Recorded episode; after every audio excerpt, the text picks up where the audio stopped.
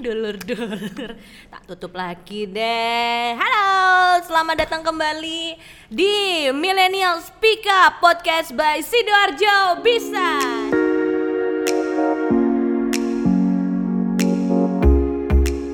Marina Berlian di episode yang ke-10 kali ini spesial aku mau ngajakin kamu untuk nih nih nih ketemu sama sesosok wanita berambut panjang tanpa kaki. Enggak lah ya.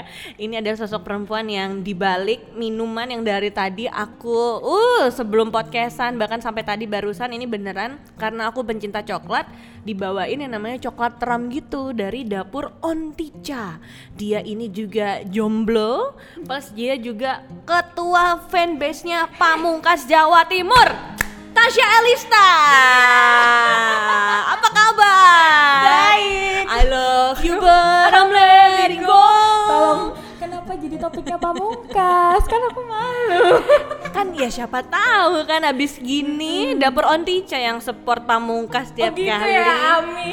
Manggung. Cuman Wow, kan sekarang lagi support. pandemi ya. eh kapan terakhir nonton konser pamungkas? Eh, terakhir yang waktu di Winsa sih.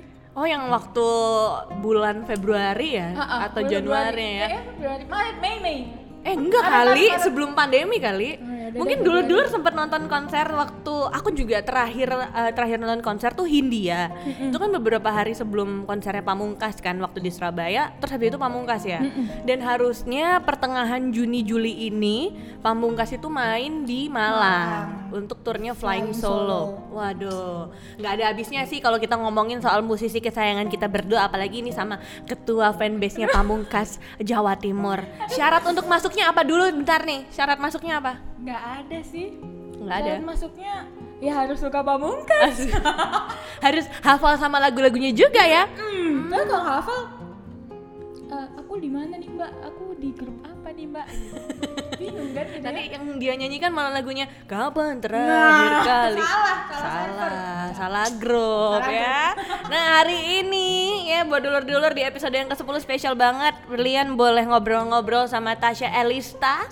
Ownernya Dapur Ontica Dan kalau kamu sering ngelewatin nih jembatan Jenggolo Kalau dari arah Sidoarjo kamu tengoklah ke kiri ya. Di situ ada sebuah kafe. Itu sebenarnya kafe apa les-lesan? Itu dulu? Itu kafe apa les-lesan? itu kafe ada di sebelahnya les-lesan Oh, gitu alah. ceritanya Tak kira, ih, kamu juga yang punya les-lesan itu. Kafenya adalah the uncle The Uncle. Oh, kamu suka om-om ternyata. Hmm.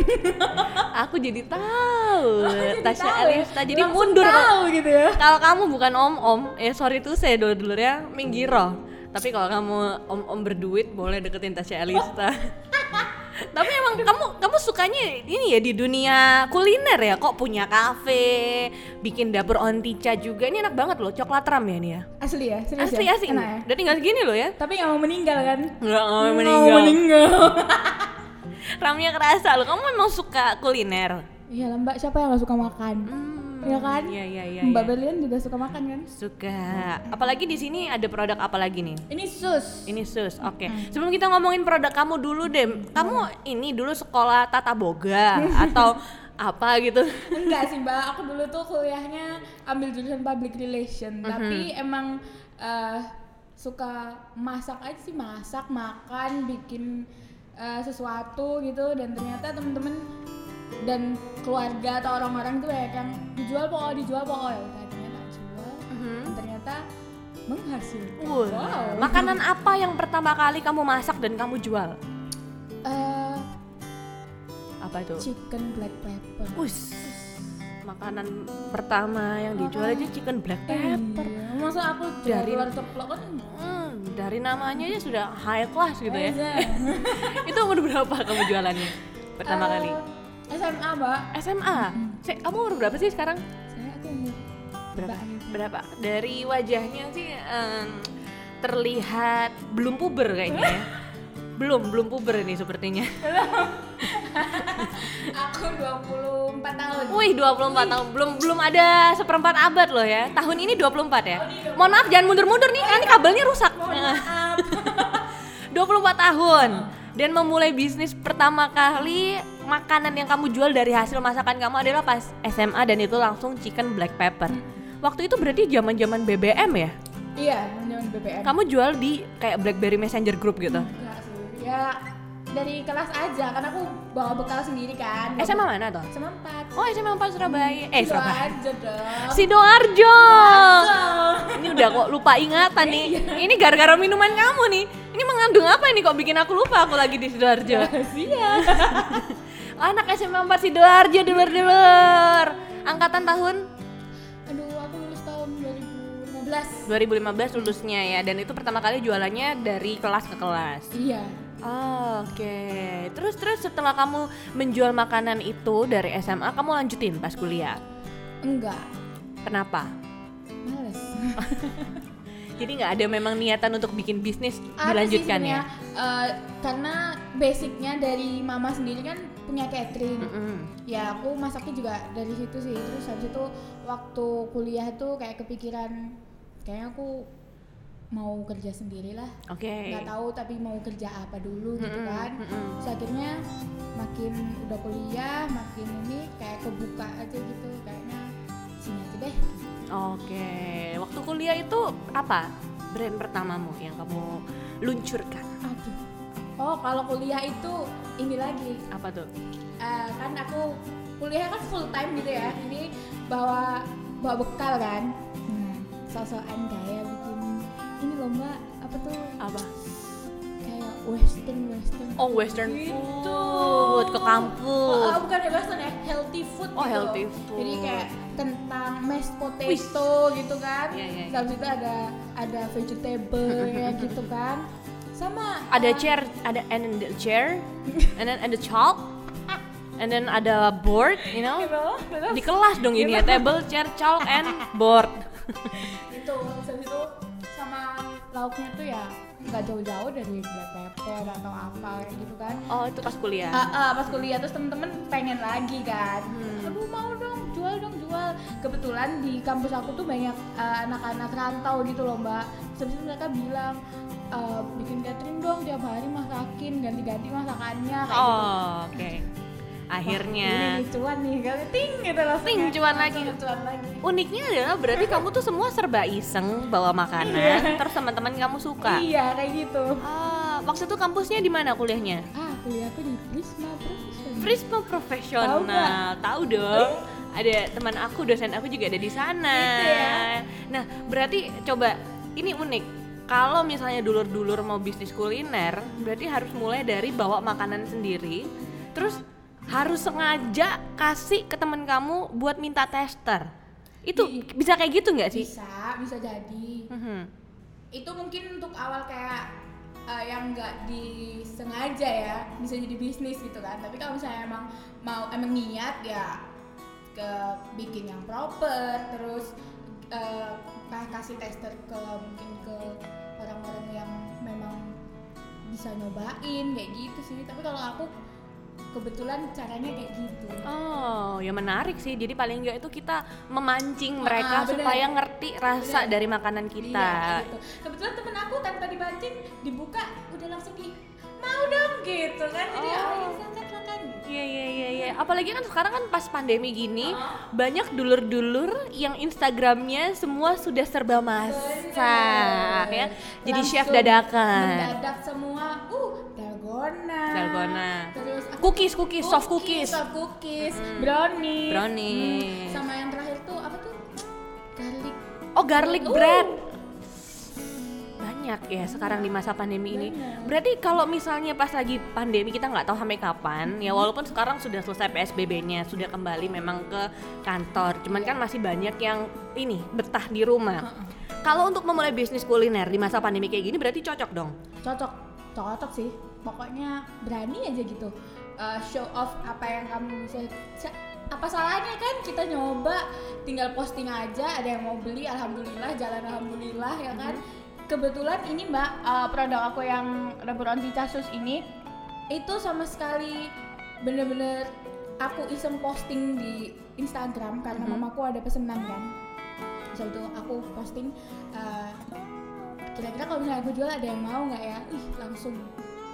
Dari situ cuma iseng kayak gitu yang bikin polling di story Instagram gitu akhirnya aku coba open PO pertama. Pas pertama open PO itu langsung sold 350 pieces Wow, 300 pieces loh. Oh. Luar biasa di PO pertama. PO pertama itu kan kayak kok percaya gitu loh sama aku kamu bener-bener nyoba Aku nggak tahu tanganku ini penuh dosa waktu Iya. bikin.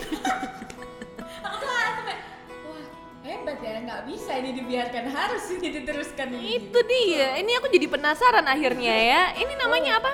sus Sus ya, kue sus coklat sama yang kuningnya apa? itu yang vanilla Oh itu yang vanilla. vanilla rum Kamu memang jual sepaket isi 5 gini? enggak sih sebenarnya aku jualnya per pieces Mhm. tapi kalau misalnya emang mungkin ke depannya bakal aku bikin paket-paket gitu biar lebih gampang kayak gitu Berapa berapa nih kalau satu kalau paket aku gini? sih per, ini Per pieces dulu, per pieces. per piecesnya aku 3000 sih Murah Nah, banget.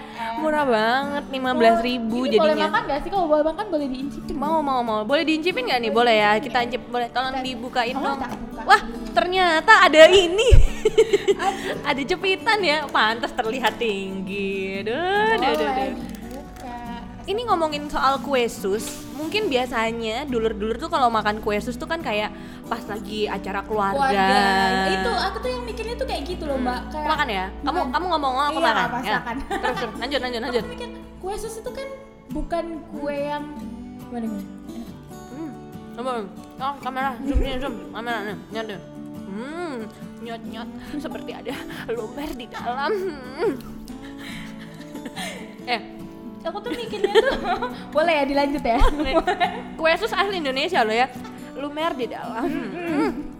aku tuh mikirnya kue sus tuh kayak kue jadul gitu loh bukan bukan yang anak-anak sekarang suka atau gimana ternyata enggak loh Hmm. ternyata ya banyak yang suka akhirnya ya Hmm, banyak, hmm. jalan aja gitu silakan ngomong terus. udah hmm. Ah, nyamat. Ya, dulu-dulur tak taruh dulu. Nah, kalau yang ini, itu cokoram ini cokoram. Oke, cokoramnya berapaan kok segini? itu tiga belas ribu Ah, 13.000 ribu aja. Iya. Jadi kalau misalnya beli 5, 15 ribu sama ini 13 ribu, ongkir 2 ribu si Duarjo ya. ongkir aduh ongkir kamu gosen aja lah aku males nganter-nganter Dan ini kamu bisa pesan di mana nih dulur-dulur kalau mau? bisa di instagramnya dapur ontica underscore atau bisa di instagramku sih Nah, dapur Ontica ya, O N T I C H A underscore. Tapi kamu tadi bilang kalau kamu mulai bisnis ini di Instagram, di Instastory iseng-iseng. Kalau misalnya mau mulai bisnis eh, kuliner di masa pandemi kayak gini, berarti harus punya followers banyak dong. Tergantung sih mbak Mhm. aku followersnya nggak banyak-banyak banget tapi yang lebih penting itu kualitas dari followersmu daripada daripada jumlah followersmu ya kan Ah, iya iya iya. kalau saya walaupun followersnya ah, followersku cuma di angka masih seribu lah ya itu normal loh ya.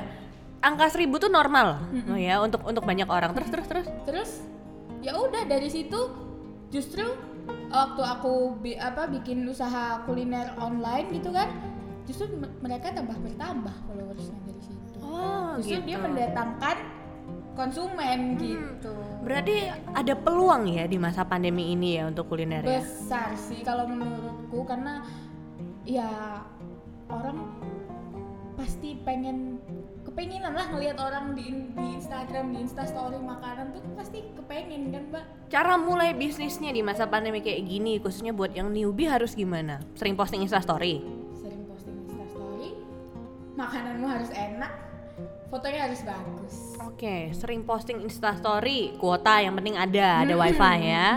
Terus juga kualitas makanan, berarti harus sering-sering trial and error. yes Terus juga harus foto yang bagus, foto produk, berarti harus pakai jasa food photographer. enggak sih sekarang tuh uh, kita foto hunting aja pakai HP bisa kan. Uh, pinter-pinter ngulik aja gimana cari referensi. Kalau pakai HP foto makanan yang bagus tuh kayak gimana kayak gitu. Dan yang paling penting harus ada followersnya dong itu beli. itu. Loh Nah, terus juga kalau mau bisnis kuliner, apa iya harus ngikutin tren makanan yang sekarang kayak tadi kita udah sebutin ya ada yang baru-baru ini garlic bread Korean, terus juga Ini apa enggak. soft cookies gitu. Kamu enggak ya? Kamu nggak ada menu salah satu menu itu?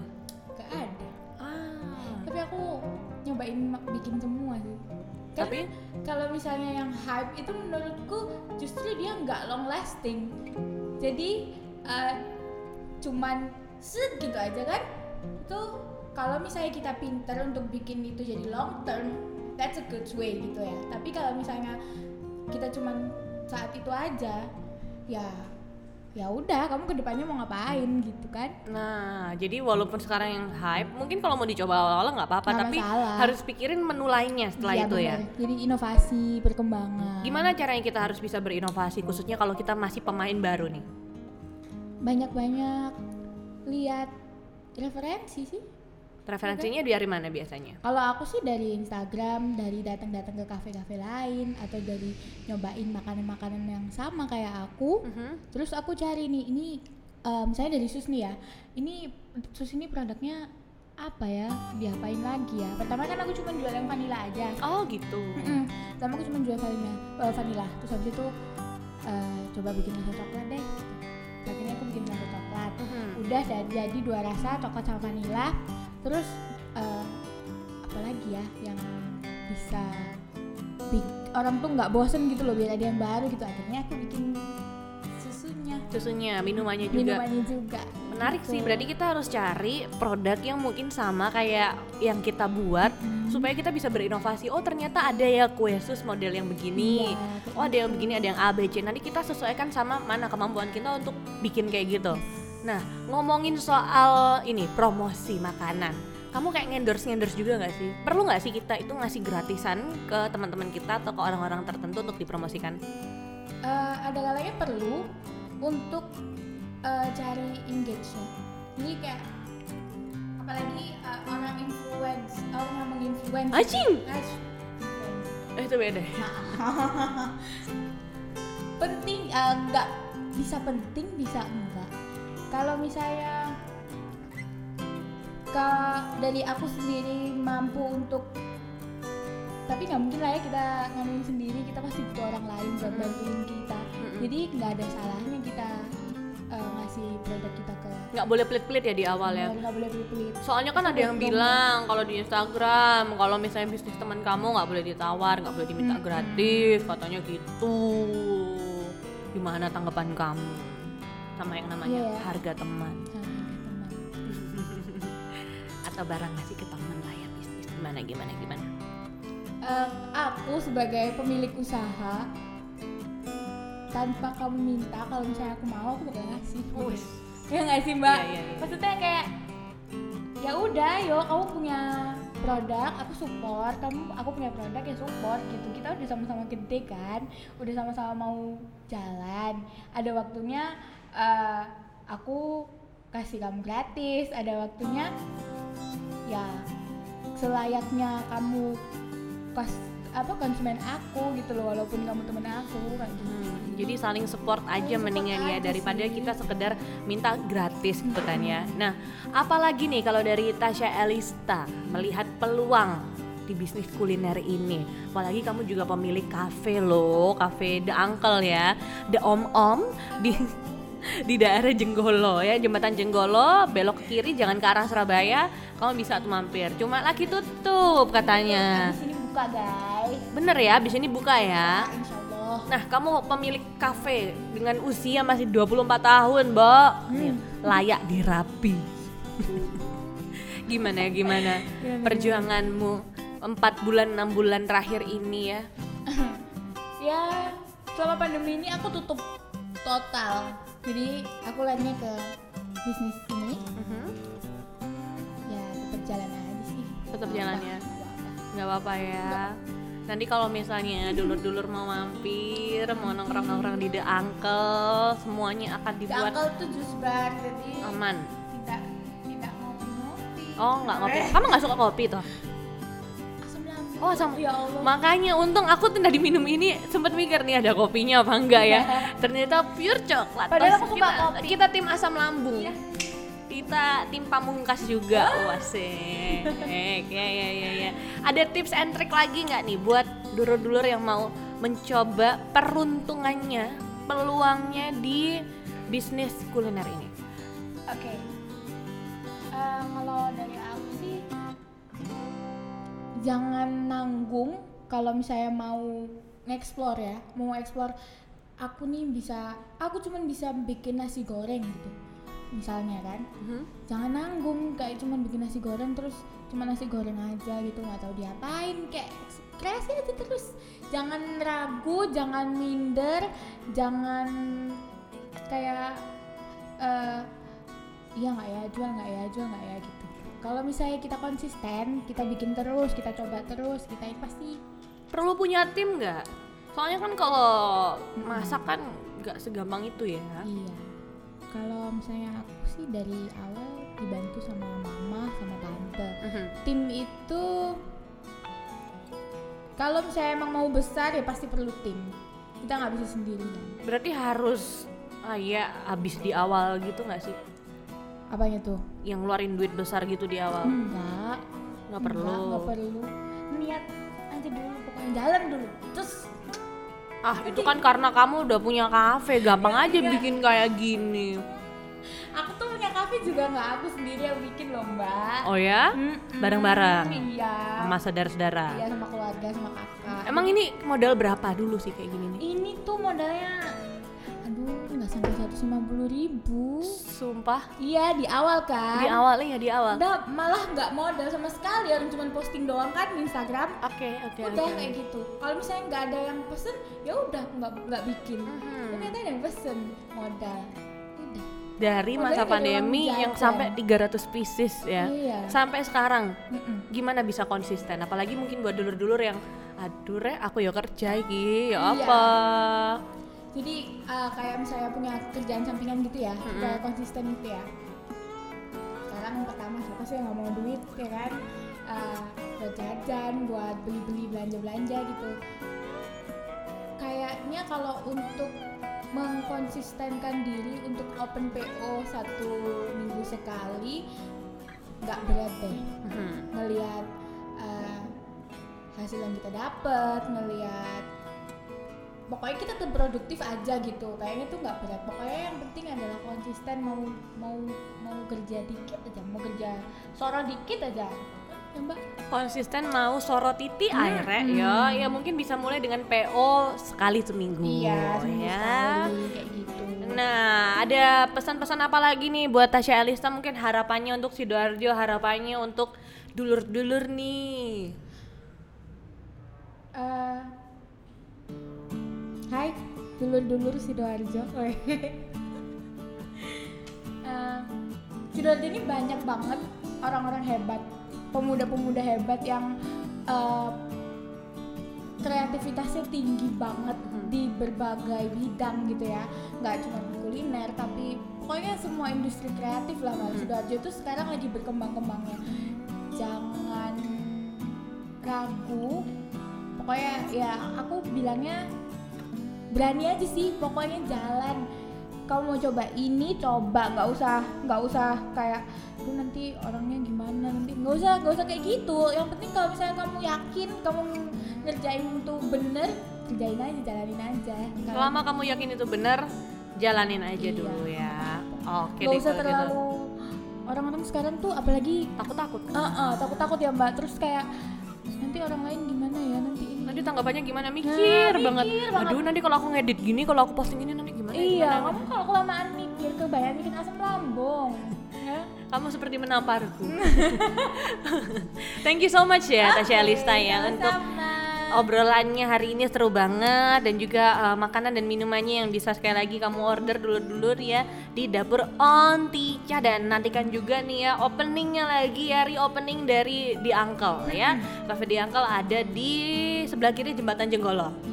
Mampir ya mbak? Mampir dong ajak-ajak ya nanti ya sambil nanti pokoknya puter lagunya Oh Pamungkas siap Oke, Aduh. oke deh kalau gitu thank you Tasya Lista. Sama-sama. Thank you juga buat dulur-dulur yang udah nonton dan yang juga udah dengerin di Spotify, yang nonton di YouTube juga, Instagram kita jangan lupa di follow buat tahu nih terupdate-nya kayak gimana dari kota Sidoarjo. Eh kok kota, kabupaten. OTW OTW ya buat nanti kan Desember kita mau ada pemilihan nih juga pastikan dulur-dulur punya kesiapan untuk memilih. Kenali calon-calonnya juga banyak yang keren-keren tapi ada satu juga yang keren nih ya. Ada dua tiga empat lima enam tujuh delapan sembilan nggak tahu saya berapa sih calonnya Nggak tahu mbak banyak. Aku juga banyak nanti kita akan update dan kasih tahu ke kamu. Pastikan juga selalu up to date di Instagram kita di sidoarjobisa.id. Aku Marina Berlian pamit. Ketemu lagi di episode selanjutnya di Millennial Speak Up Podcast by Sidoarjo Bisa.